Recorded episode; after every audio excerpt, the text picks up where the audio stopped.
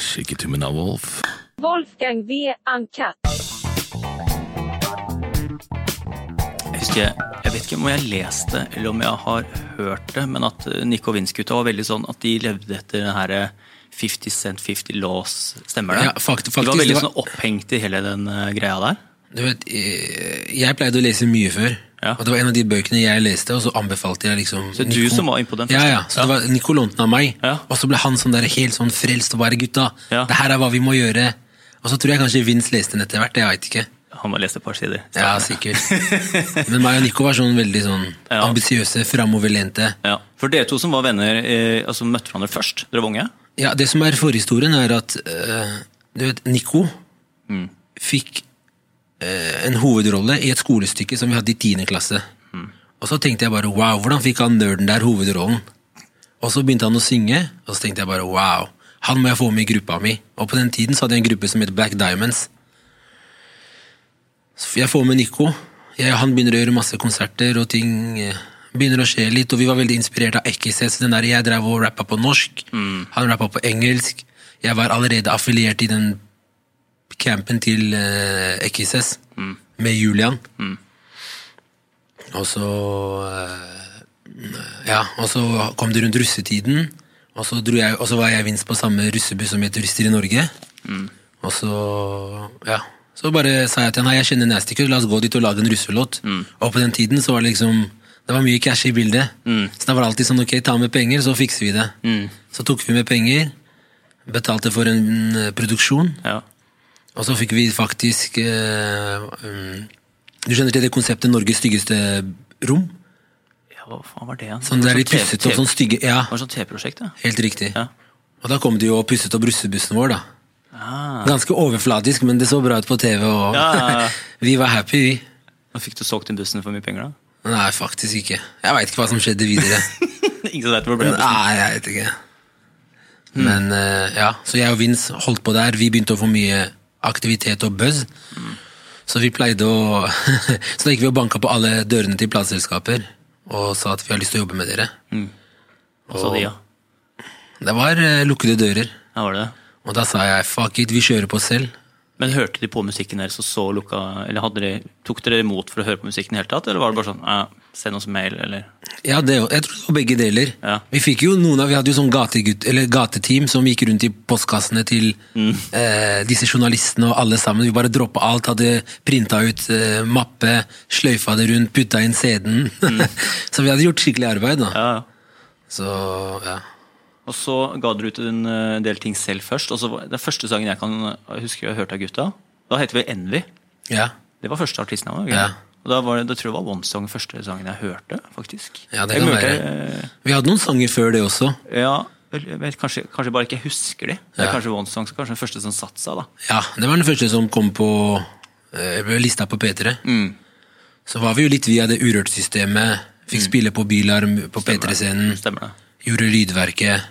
Skapte en eh, buzz. Oslo var med. Oslo backa det.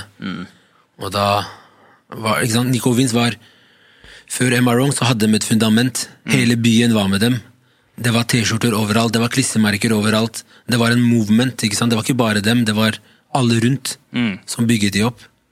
Ikke sant? Og nå ser du at nå er ikke alle der, og nå ser du hvor de er. Ikke sant? Så det er alltid viktig at eh, de på hjemmebane har deg, da. Ja, Det tror jeg du har sagt flere ganger. Ja, ja. Og det tror jeg de gutta har sagt òg. Aldri ja. glemmer liksom. Vi glemmer aldri hvor vi kom fra. Suksess endrer, suksess endrer folk, vet du. Så det er liksom Har dere har ikke noe kontakt nå, eller? Nei, vi snakker ikke sammen. Nei. Nei. Tror du kommer til å gjøre det en gang i fremtida?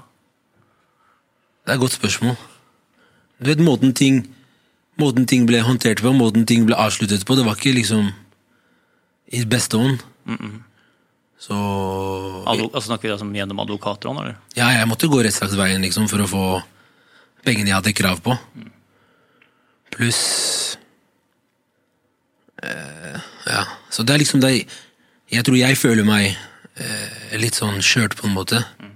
At de gjorde ting feil, at de ikke gjorde ting på en bra måte. Så det er nok mer det.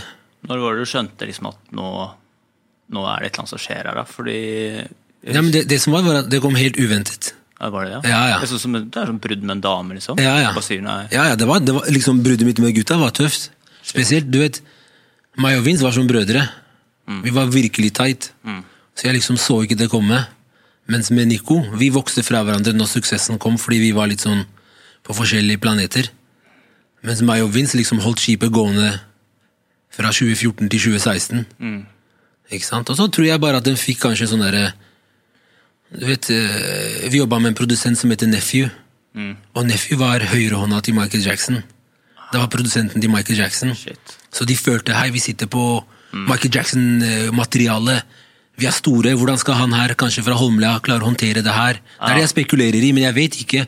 Til, da, til den dagen i dag, liksom, Vi har ikke fått snakke sammen.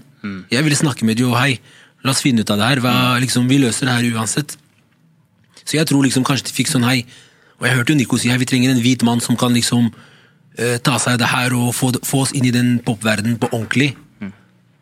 Så ja, så det er der vi liksom Det kan jo være en kombinasjon av mange ting. da. Um, For eksempel at det, det kommer noen som også sier Dere har ikke vurdert liksom å ta et steg opp, da.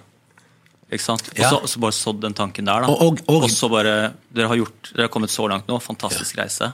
Er det hypp liksom å komme helt opp der? Og, og det er fair sak. Ja. Liksom, det kan hende at mine evner ikke hadde strukket til å få dem til neste nivå.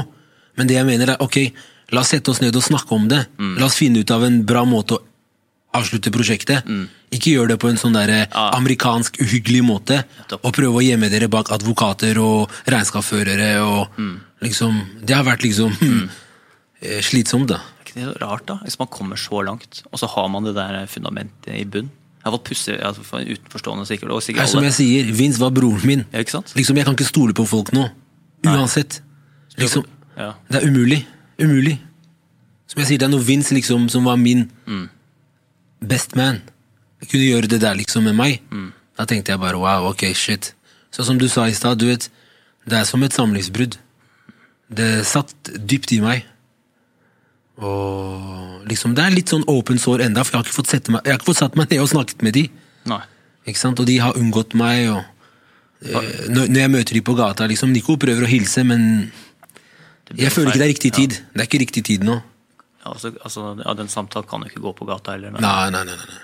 tror du Er det noen som sier det sånn dypt inne at det der vennskapet som liksom ligger i bånn der, det er liksom Om det er snakk om tid, da. Om ja. tiden greier å lege det, liksom. Eller tenker du det, Ligger det på en måte at én må reach out her? Jeg, jeg vet ikke. Du vet, jeg er familiefar nå, jeg har to barn. Liksom, uansett hva jeg har vært igjennom, send en melding og si hei. Gratulerer med barn. Hei, gratulerer. Eller noe. Når du ikke gjør det, da liksom Da har ikke vi noe å snakke om, på en måte. Da er du død for meg. Faen, jeg får gåsehud, jeg. Ja. Du vet, det er første gang jeg snakker om det. Jeg har aldri snakka om det med noen før. Skjønner du?